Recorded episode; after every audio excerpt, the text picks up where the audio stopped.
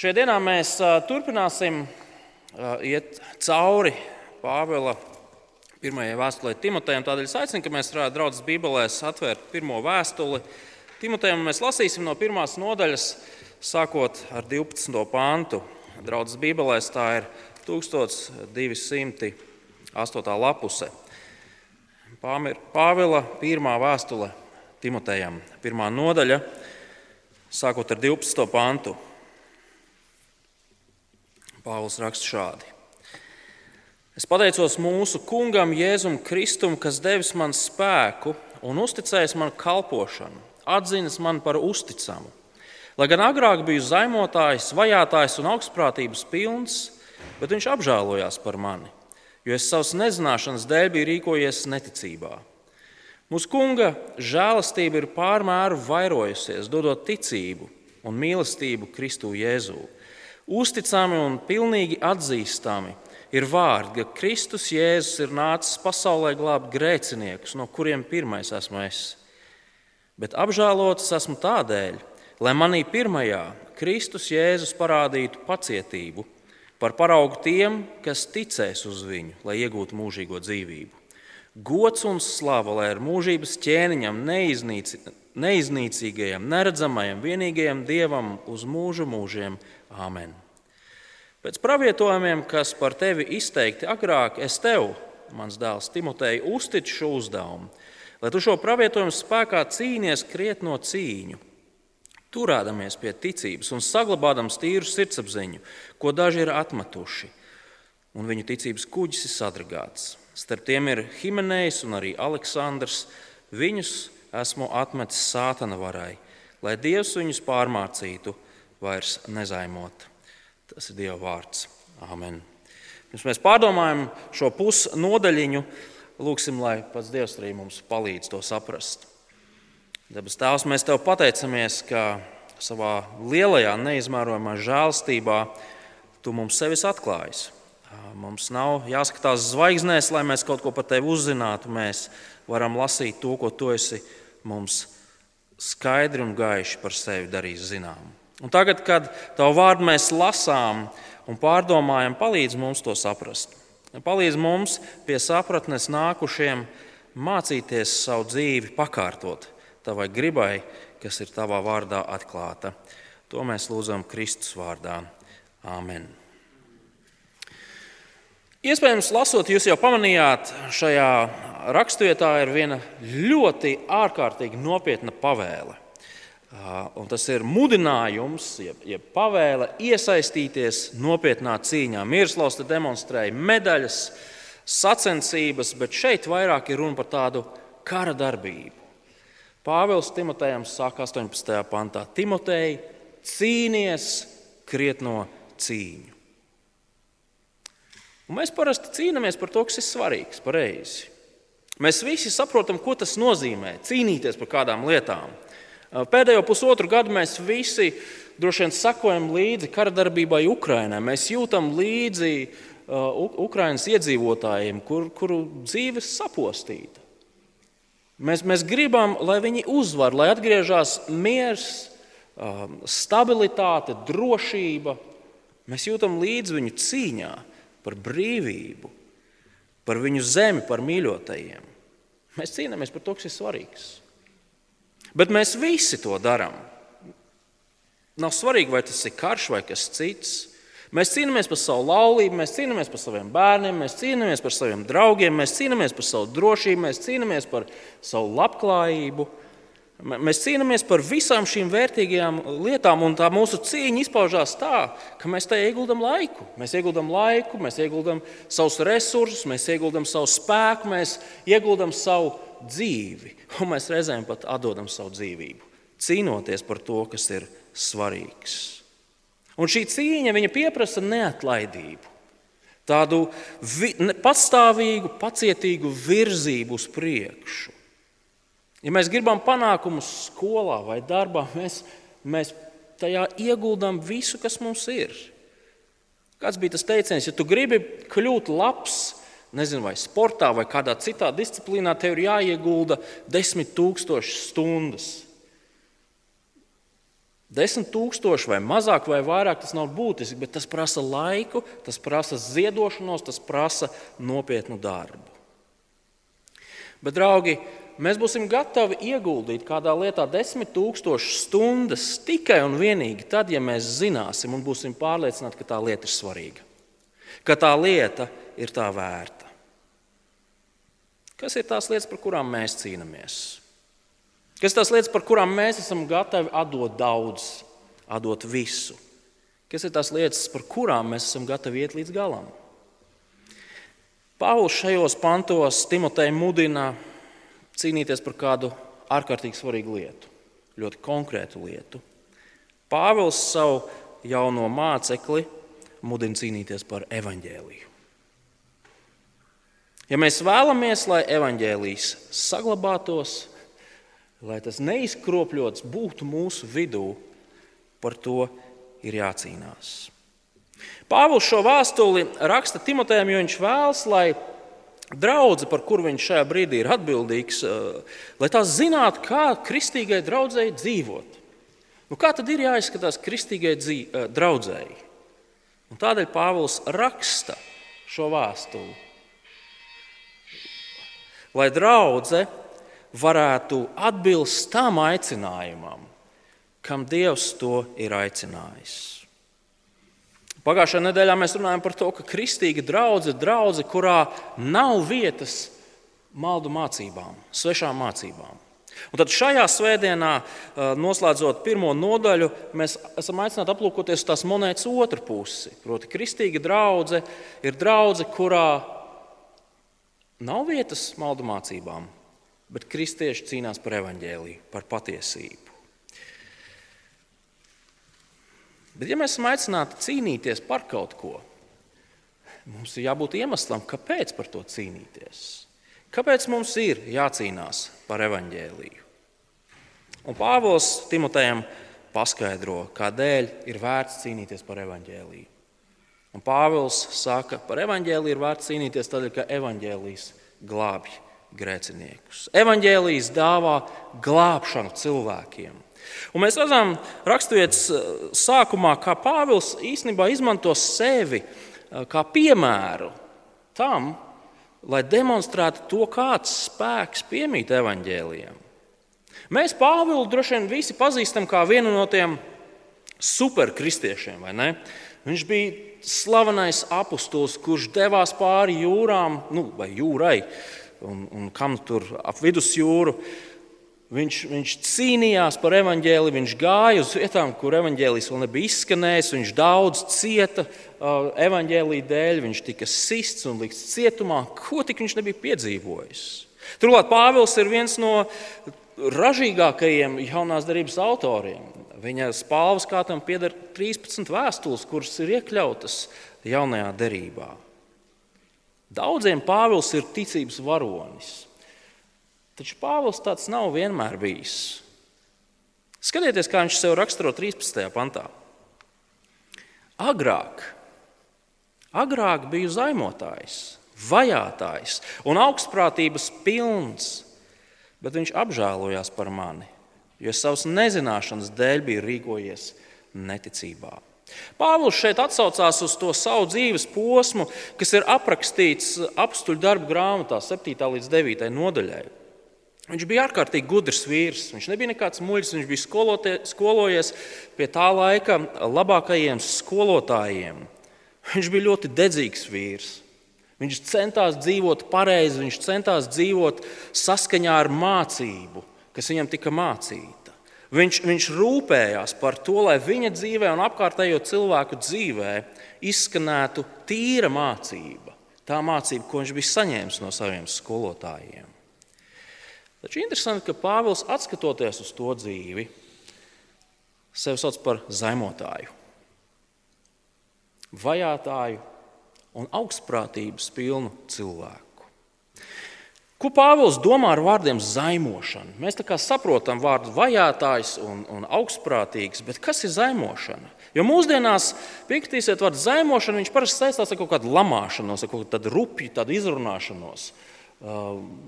Visi saka, ka Dievs saka, Dievs, un mēs domājam, ka tā frāze, ko cilvēki pasaka, ir tā zaimošana.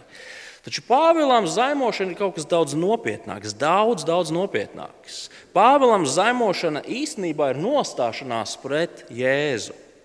Un šī nostāšanās pret Jēzu Pāvila gadījumā izpaudās ārēji redzamā veidā, kā Kristus sekotāja vajāšanā, Kristus draudzes vajāšanā. Pāvils ienīda Jēzu. Vairāk par visu viņš ienīda Jēzu.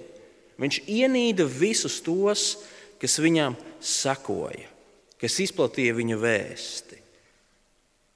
Un mēs lasām par to, kā Pāvils ņēma dalību kristiešu vajāšanās. Viņam tas labi patika. Viņš to atbalstīja. Daudzās vietās viņš pats to ierosināja. Un viņš to darīja ar dedzību. Un viņš to darīja tādēļ, ka viņam likās, ka šie kristieši, šis Kristus, šis Jēzus apdraud mācības tīrību, kas viņam ir mācīta. 13. pantā mēs redzam, ka Pāvils to darīja nezināšanas dēļ. Un Pāvils to nesaka, nu, ja nezini, tad nu, nu, es neesmu vainīgs. Nē, nē, nē, nē, nezināšana neatbrīvo no atbildības.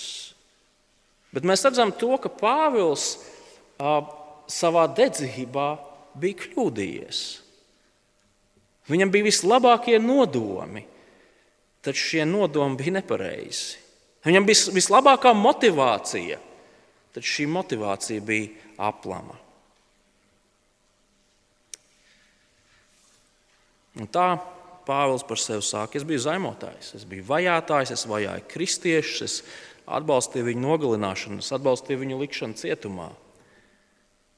Un to darot, Pāvils patiesībā demonstrēja to, ka viņa izpratne par Dievu arī nebija pilnīga.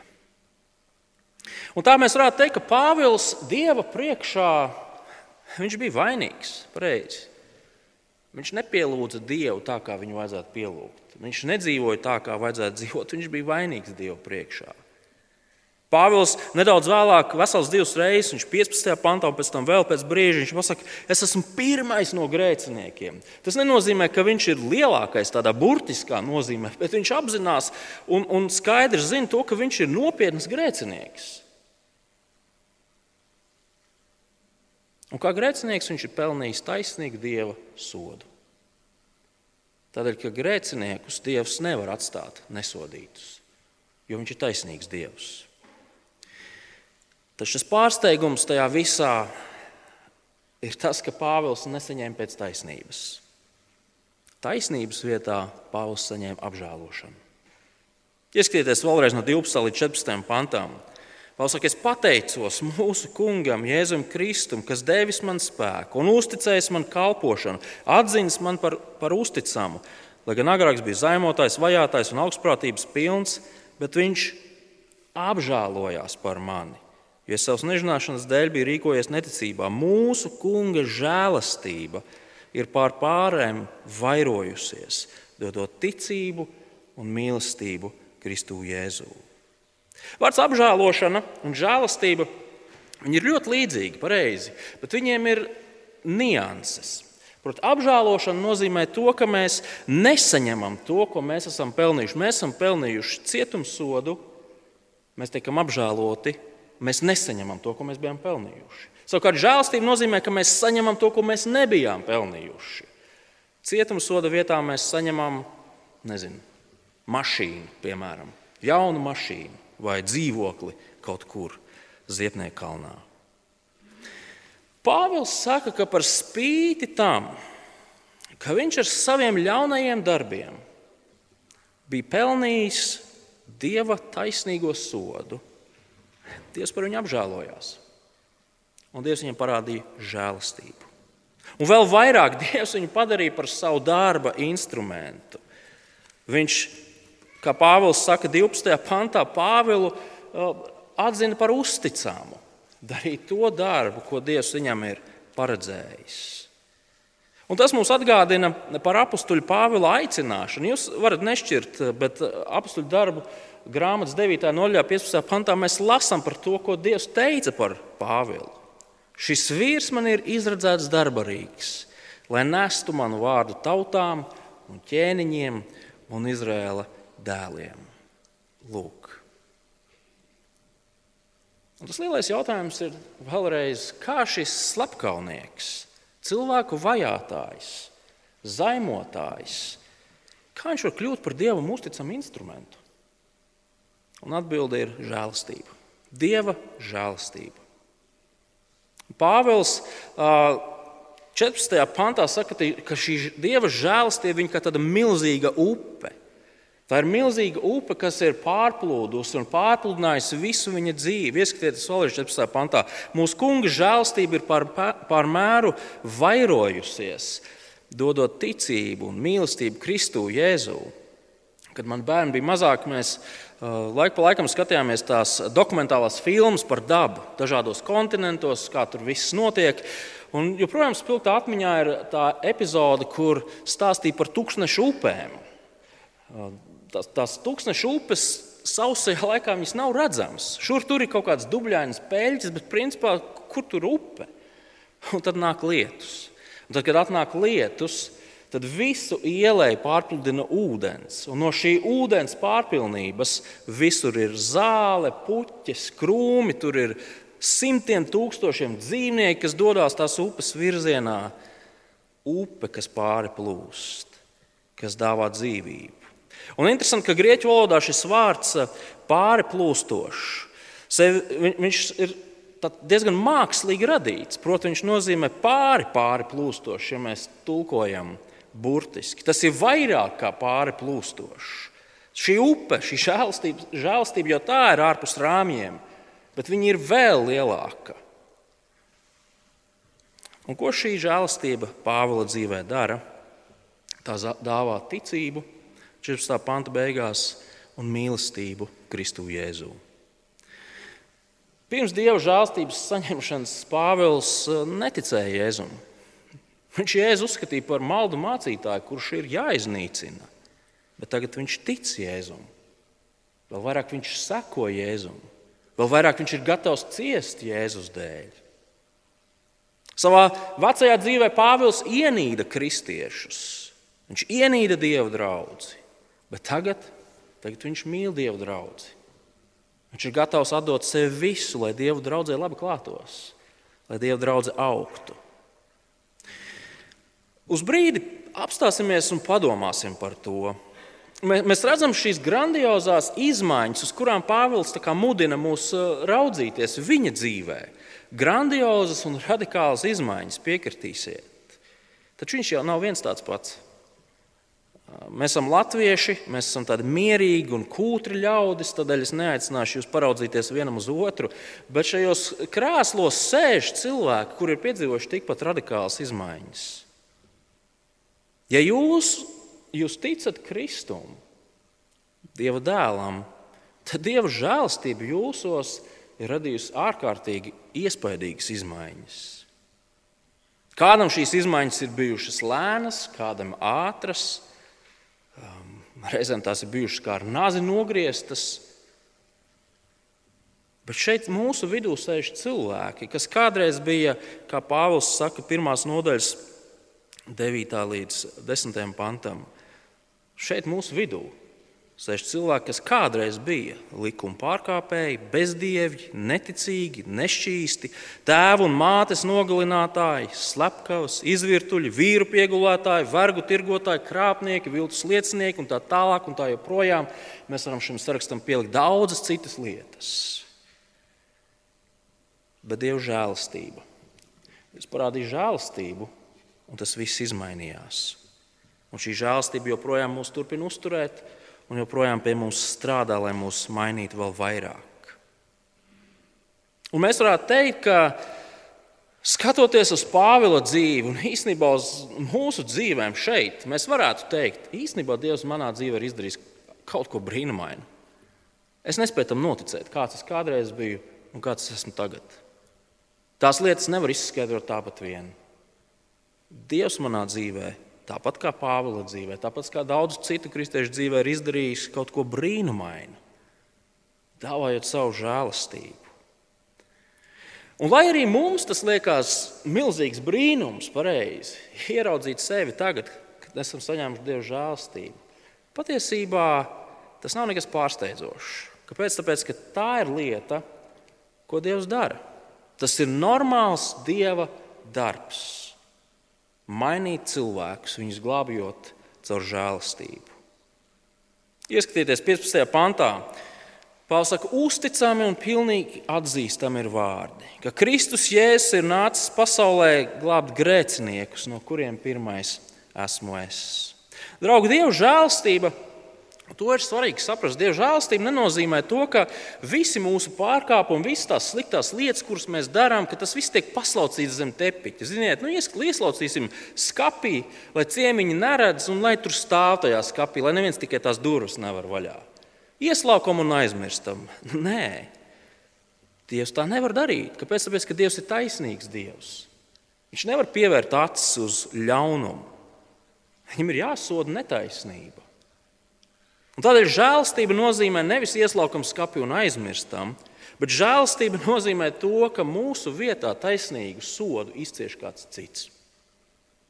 Kāds cits uz sevis uzņemas samaksāt to, kas pēc taisnības pienākas vainīgajam grēciniekam. Un tādēļ, ka par šo mūsu pārkāpumu kāds cits ir taisnīgi samaksājis, mums par to otrais nebūs jāmaksā. Mēs esam apžēloti, mēs esam pasludināti par attaisnotiem. Kristus Jēzus nāca pasaulē, lai samaksātu par grēcinieku ļaunajiem darbiem. Viņš mira pie krusta, lai mēs, vainīgi grēcinieki, neietu cauri šai nāvei, kas ir Dieva sots par mūsu grēku. Un tā vietā mēs tiktu pasludināti par taisniem. Uzticami un pilnīgi atzīstami ir vārdi, ka Kristus Jēzus ir nācis pasaulē glābt grēciniekus, no kuriem pirmais esmu es. Šajā īsajā teikumā Pāvils ietver visu evaņģēlīju vēsts esenci. Kristus Jēzus ir nācis pasaulē glābt grēciniekus. Un jūs pamanījāt, Pāvils saka, šis apgalvojums, ši, ši, šis, šis teikums, viņš ir uzticams, tas ir patiess, tas ir fakts, tas ir neapstrīdams, neapgāžams notikums. Tā ir īstenība. Ja jūs bijāt šeit pagājušajā svētdienā, mēs redzējām par to, kā Pāvils mudina cīnīties pret viltus, pret svešām mācībām. Viņš šīs, šīs svešās mācības sauc par mītiem, par, par, par spekulācijām, par dažādām uh, urķēšanās kaut kādos cilsrakstos un tādām interesantām, varbūt, bet pilnīgi muļķīgām lietām. Bet šis teikums, ka Jēzus Kristus ir nācis pasaulē glābt grēciniekus, tas ir fakts. Tas nav mīts, tā nav leģenda, tas nav kaut kāds izdomājums 4. gadsimtā. Nē, tā ir īstenība.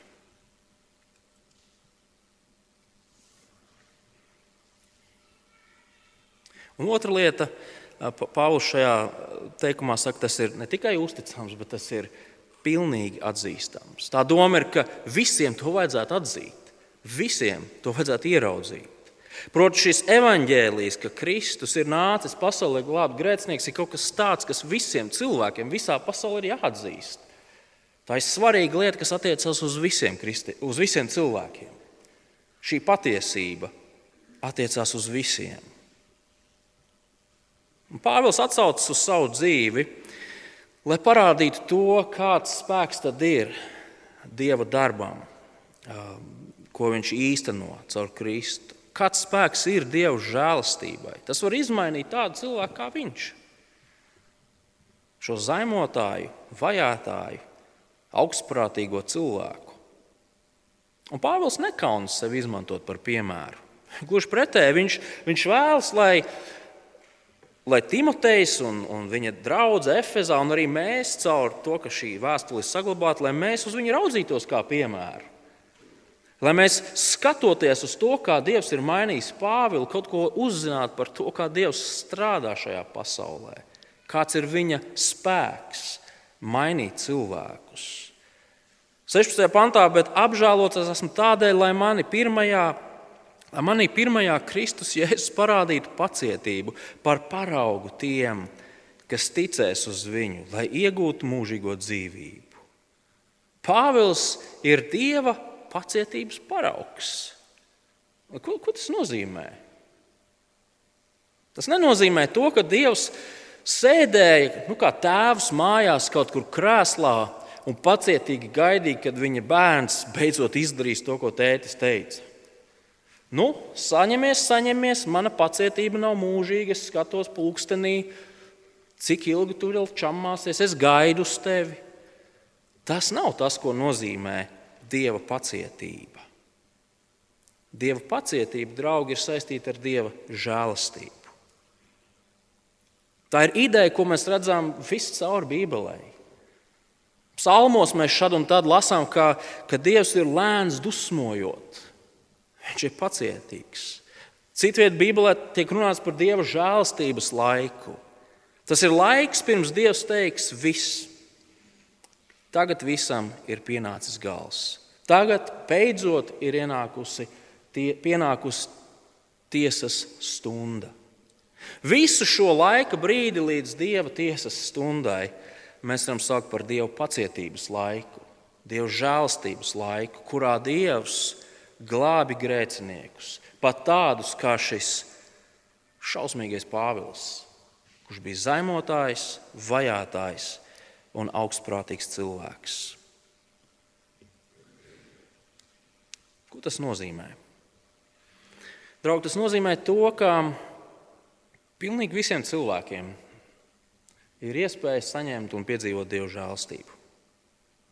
Ja pirmais, jeb lielākais starp grēciniekiem ir saņēmis Dieva žēlstību, es nezinu, kur jūs sevi ierindojat. Otrais, trešais, ceturtais nav svarīgi. Jūs esat pēc pirmā. Arī jūs varat saņemt Dieva žēlstību. Cilvēki reizēm saka, Mārtiņ, es saprotu, ko tu saki, bet tu jau nezini, kāds tas cilvēks esmu. Tu, tu, tu nezini to, ko es esmu darījis savā dzīvē. Tu nezini, ko es joprojām daru.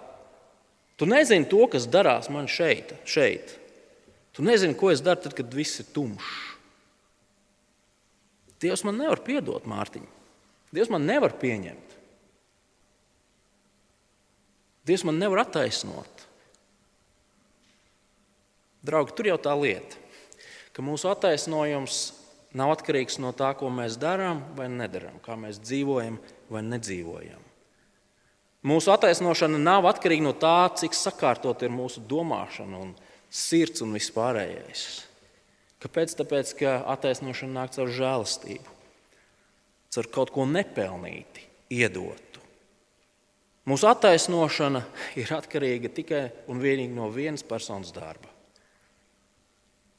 Un tie neesam mēs. Tas ir Jēzus Kristus.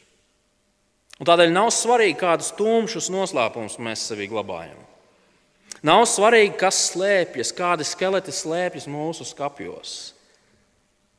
Nav svarīgi tas, kādi mēs esam. Dievs dāvā žēlstību, nepelnītu žēlstību grēciniekiem, pat vislielākajiem. Nav neviena tāda grēcinieka, kuru nevarētu izglābt Kristus žēlstība. Un nav svarīgi, cik melni mēs esam, cik varbūt perversi mēs esam. Nav nekādas nozīmes. Pirms dažiem mēnešiem man bija iespēja kādā konferencē piedalīties kādā konferencē, un visa cita starpā tur bija tāds, tād, tāda neliela tā reklāmiņa, kur reklamēja vienu Amerikas organizāciju, kristiešu organizāciju, kas strādā Amerikas cietumos. Tur bija samontēts tāds neliels video klips, un šajā video klipā varēja redzēt nu, tādus ritīgi drūmus vīrus.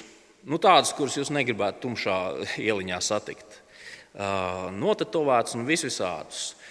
Un tie bija cilvēki, kuri savā dzīvē bija nogalinājuši kur bija izvarojuši, kur bija izkropļojuši cilvēku dzīves. Un viens otrs no šajā video um, redzamajiem vīriem, kas stāstīja par sevi, viņi nekad vairs neizies brīvībā. Viņi sēdēs cietumā visu savu atlikušo dzīvi. Un viens otrs no, no šiem drūmajiem vīriem bija 20 gadus vecs, varbūt nedaudz vecāks. Viņiem ir jāizciest taisnīgs sots. Un viņi nemirkli nerunāja par to, ka tas viņiem nepienāktos. Viņi zināja, ka viņi to ir pelnījuši. Taču šie skarbie vīri runāja par to, ka kādu dienu, tad, kad beigsies viņu dzīve šeit, uz šīs zemes, un iespējams viņa beigsies cietumā, viņi būs kopā ar kungu Jēzu Kristu debesīs. Un tas ir tikai tādēļ, vien, ka šie cilvēki ir satvēruši žēlastību, ko Dievs viņiem ir parādījis. Viņi nevar atgriezt pagātni, viņi nevar atcelt to, ko viņi ir izdarījuši, bet viņi var skatīties uz priekšu, uz dienu, kad viņi būs kopā ar kungu, kurš ir nomiris par viņu darbiem. Uzticami un pilnīgi atzīstami ir vārdi, ka Kristus Jēzus ir nācis pasaulē glābt grēciniekus, no kuriem pirmais esmu es. Draugi, piekritīsiet, ka šī ir ārkārtīgi brīnišķīga vēsts. Tad ārkārtīgi brīnišķīga vēsts. Un Pāvils šo vēstu ir uzticējis Timotejam. Un Timotejs to ir uzticējis savai draudzēji. Un visiem, kas lasa šo, šo, šo grāmatu, Dieva vārdu, šī vēsts nonāk arī pie mums. Šis viens teikums ir mūsu draudzes pamats. Šis viens teikums ir mūsu draudzes, ja gribat, kaujas sauciens. Šis viens teikums ir vislielākā un visvērtīgākā, visiedarbīgākā motivācija, kāda jebkad varētu izskanēt. Grēcinieki dzird šos vārdus un priecājies. Kristus Jēzus ienāca pasaulē tevis dēļ, manis dēļ, un viņš nāca, lai mūs izglābtu. Kristus dāvātā žēlastība ir vienīgais, kas mūs var izglābt. Ne, nekas cits. Neviena programma, neviens guru, nekādi vingrinājumi, elpošana, pareiza un ēšana. Nekas no tā nevar izglābt. Draugi, bez Kristus nevienam no mums nebūtu cerības.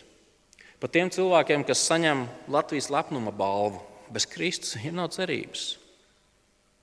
Nemaz jau nerunājot par tiem vīriem, kurus es redzēju tajā video. Nerunājot par Pāvilu.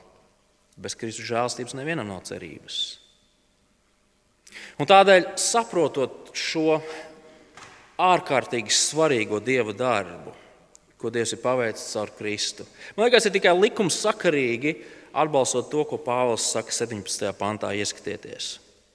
Gods un slava, lai ir mūžības ķēniņām, neiznīcīgajam, neredzamajam, vienīgajam Dievam uz mūžu mūžiem.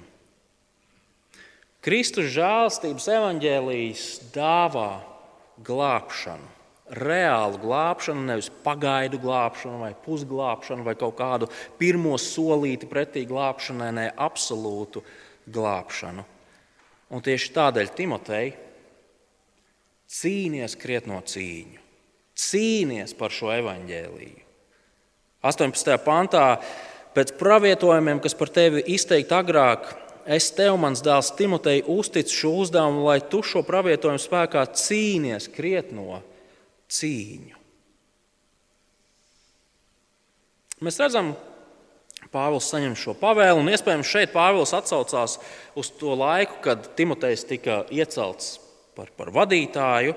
Mēs, nezinām, ko precīzi nozīmē visi šie termini, bet svarīgi ir ieraudzīt to, ka Pāvils šeit, ja gribat, nodot stafetes kociņu. Ieskatieties ja 12. pantā.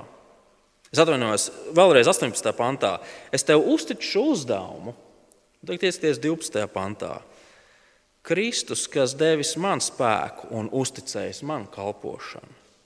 Dievs Pāvilam ir uzticējis kalpošanu, kas bija Pāvila kalpošana, nest evaņģēlīju vēsti tautām. Un tagad šī pati kalpošana ir uzticēta Timotejam. Un Timotejam ir jāturpina par to cīnīties. Tas ir kā stafets kociņš. Um, šobrīd, protams, topā ir basketbols, bet arī basketbolā ne, mēs varam redzēt šo pašu principu. jāpatur bumba, līdz gūst, gūstam punktus. To nedrīkst nomest, to nedrīkst aizmest. Ir jācīnās. Cīnies krietno cīņu, turēdamies pie ticības un saglabādams tīru sirdsapziņu. Pāvils saka, šī, šī krietnā kristieša cīņa par evaņģēliju notiek kā? Tad, kad mēs turamies pie ticības un pie tīras sirdsapziņas. Ticība šajā gadījumā nozīmē skaidru izpratni par Dievu un Dieva darbu. Timotejs, Timotejs zina, ka Dievs dāvā glābšanu caur Kristu ikvienam, kurš tic uz Kristu. Timotejs zina, ka Dievs dāvā mūžīgo dzīvību. Un Timotejam pie tā ir jāpaliek. Lai cīnītos par evaņģēliju, tas viss ir jāzina. Ir jāzina tas, ka Kristus, ko Kristus mums labā ir izdarījis. Ir jāzina tas, kādus apsolījumus Viņš mums ir devis. Ja mēs to zinām, mēs būsim gatavi cīnīties. Un otrkārt, Pāvils saka, tu cīnies labo šo krietno cīņu, ja tu saglabā tīru sirdsapziņu. Mēs reizēm sakām, ka sirdsapziņa ir tas mūsu iekšējais morāls kompass. Tā ir spēja novilkt robežu starp to, kas ir labs un kas ir slikts, pareizs, nepareizs. Un saglabāt tīru sirdsapziņu šajā kontekstā nozīmē nedarīt to, kas nesaskan ar tavu ticību. Proti, ar šo vēsti, kurai uz kuru tu uzticies. Kurai tu uzticies? Turies pie ticības, saglabāt tīru sirdsapziņu. Tas ir veids, kā mēs cīnāmies šo krietno kristiešu cīņu. Un, ja vadītāji tādi kā Timotejs un visi citi vēlas palikt uzticami, viņiem ir nepieciešams darīt to, ko Pāvils šeit saka. Kāpēc? Tāpēc, ka patiesībai vienmēr būs konkurenti. Es nezinu, vai jūs esat ievērojuši, es pavisam noteikti tādēļ, ka es tāds nu, reizēm, ne, neteikšu cik bieži, bet aizēju uz grāmatu veikalu, paskatīties, kas jauns. Un pēdējo 5, 7, 10 gadu laikā viens no plauktiņiem, kas ir audzis visvairāk, ir garīgā literatūra. Literatūra, kas cilvēkiem sola izskaidrot pasauli, palīdzēt kļūt labākiem, izlīgt ar sevi un citiem, un tā tālāk. Tā projām. Šie plauktiņi grāmatnīcās aug garāki un garāki. Un visas šīs grāmatas un visi šie autori konkurē ar patiesību. Ka Kristus Jēzus ir nācis pasaulē glābt grēciniekus. Ja mēs neturamies pie šī, mēs skriesim pie visa pārējā. Bet tikai šis viens, Kristus Jēzus, ar savu darbu ir spējīgs mūs reāli izglābt. Viss pārējais ir kā plāksterīši, kurus mēs cenšamies lipināt sev un citiem. Un mēs zinām, kāda ir plāksteru daba. Plāksters vienmēr nolīmējās. Un, ja brūce netiek aprūpēta, tad mums ir gangrēna un galsklāta. Pāvils eh, noslēgumā līdzās šai pavēlei man arī kādu brīdinājumu. Ieskatieties 19. un 12. pantā. Turēdamies pie ticības un saglabādams tīru sirdsapziņu, ko daži ir atmetuši, un viņu ticības kuģis ir sadragāts. Starp tiem ir Himenejs un arī Aleksandrs. Viņus esmu atmetis sātana varai, lai Dievs viņus pārmācītu vairs nezaimot. Mēs īsti nezinām, kas bija šie divi vīri. Himenējs un Aleksandrs ir visādi minējumi. Un nav arī būtiski, kas viņi tādi ir, bet būtiski tas, ko Pāvils par viņiem pasaka. Šie divi vīri, iespējams, vadītāji, ir atmetuši kristīgo ticību un skaidro tīro sirdsapziņu. Un Pāvils izmanto tādu spilgtu ilustrāciju. Mēs esam aicināti iztēloties kuģi, būrinieku vai milzīgu kruīza kuģi, kas eh, laiku pa laikam pietur pie vanšu tilta, vai kaut kādu milzīgu tvaikoni, nu iztēlojieties. Un tagad iztēloties, kā šis kuģis ir uzskrējis uz klintīm. Vējš ir nolauzis visus mastus, klints ir izsitušas eh, vrakā eh, caurumus, pārgāžās viļņi. Piekritīsiet, bēdīgs skats. Bēdīgs skats redzēt stalto burnieku sadauzītu šķēpelēs pret krasta klintīm. Lūk, kā izskatās šie cilvēki, kuri neturas pie ticības un sirdsapziņas. Iespējams, tas notiek pakāpeniski. Šie cilvēki ir mēģinājuši attaisnot kādu savu grēku. Kādu savu grēku viņi nav mēģinājuši nokaut un ierobežot. Un jo vairāk viņi praktizē to, jo vairāk viņu sirdsapziņa nocietinās. Un jo cietāk tā paliek, jo vairāk viņi saka, klau, bet īstenībā Dieva vārds jau var arī mācīt šo un to. Bībelē ir ļoti daudz palākās zonas, kur mēs varam interpretēt dažne dažādi. Viņi ir atmetuši ticību. Viņu sirdsapziņa nav tīra. Viņi dzīvo saskaņā ar grēku, nevis ar to, ko Dievs ir paredzējis. Draugi Pāvils redzēja evaņģēlīju vērtību. Viņš to apliecina pat ar savas dzīves piemēru. Un tādēļ viņš par to cīnījās. Un viņš aicina savu jauno skolnieku, sekotāju, FS draugu vadītāju darīt tieši to pašu. Cīnīties par evaņģēliju, tādēļ, ka tas ir vienīgais, kas var izglābt grēciniekus. Un tad, kad bija pienācis Timoteja laiks, tad Timotejam bija šis stafets kociņš jānodod tālāk. Uzticamiem vīriešiem un sievietēm, kas var uzticami mācīt Dievu vārdu. Un tā šis stafets kociņš ir nonācis arī pie mums. Draudz, draudze, šī cīņa, protams, pirmām kārtām ir draudzes vadītāja cīņa. Miroslavs, es, Andrēs, vēl kas mēs šeit esam, vadītāji un Bībeles studiju vadītāji, mēs esam aicināti cīnīties šo krietno cīņu. Taču piekritīsiet, ka tā nav tikai un vienīgi kristīga draugu vadītāja atbildība. Tā ir visas draudzes atbildība cīnīties šo cīņu. Draugi, mēs visi, ja mēs vēlreiz varam noslēgumu izmantot cīņas analoģiju, mēs visi esam kā tādi karavīri, kas ir kopā, plecu pie pleca, ierakušies tranšējā, un mums pārlido ienaidnieku raķetes. Un ienaidnieks mums kaisa reklāmas lapiņas. Ja tu nāksi šeit, mēs dāvāsim tev glābšanu. Un visādi ar varu un viltu cenšas mūs aizvilināt un pārunāt savā pusē. Bet mums ir jāpatliek uzticamiem savos ierakumos, cīnoties par evaņģēliju. Tādēļ, ka tā ir vienīgā lieta, kas var izglābt grēcinieku. Mēs cīnāmies par evaņģēliju tad, kad mēs to skaidri turam savā priekšā. Mateja evaņģēlijas studijas ir brīnišķīga iespēja ikvienam no mums vēlreiz atkārtot, nostiprināt, papildināt savas zināšanas par to, kas tad ir Jēzus, kāpēc viņš nāca, kāpēc ir vērts viņam sekot, kāpēc ir vērts cīnīties par šo vēsti.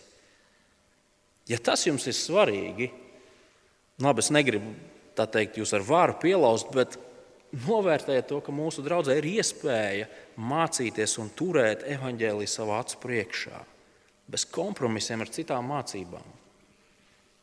Mēs cīnāmies tad, kad mēs lūdzam cits par citu. Mēs lūdzam par draudzes vadītājiem, kalpotājiem.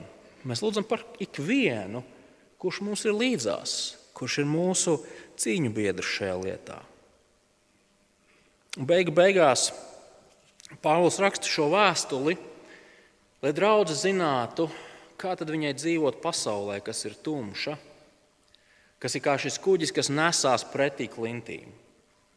Lai draudzene zinātu un darītu savu darbu, kas ir spīdi kā bāka, sludina evaņģēlīju, lai cilvēki varētu tikt izglābti. Mēs to darām Tādēļ, ka pasaulē ir vajadzīga glābšana. Mūsu līdzcilvēkiem ir vajadzīga glābšana. Un vienīgā vēsts, kas var cilvēkus izglābt, ir par Kristu. Jo Kristus ir nācis pasaulē glābt grēciniekus. Lūksim Dievu! Dabas Tēvs, patiesi mēs esam Tev pateicīgi par to, ko Tu esi izdarījis mūsu labā. Tēvs, mēs atzīstam, ka pēc taisnības pasaules vēsture varēja beigties vēl nesākoties. Tad, kad Ādams un Ieva grēkoja pret tevi, tad visam varēja taisnīgi arī pielikt punktu. Taču tas pārsteidzošais ir tas, cik liela ir tava žēlastība. Tu demonstrē žēlastību cauri gadu tūkstošiem, glābjot cilvēkus, un to, to, to dari vēl šodien.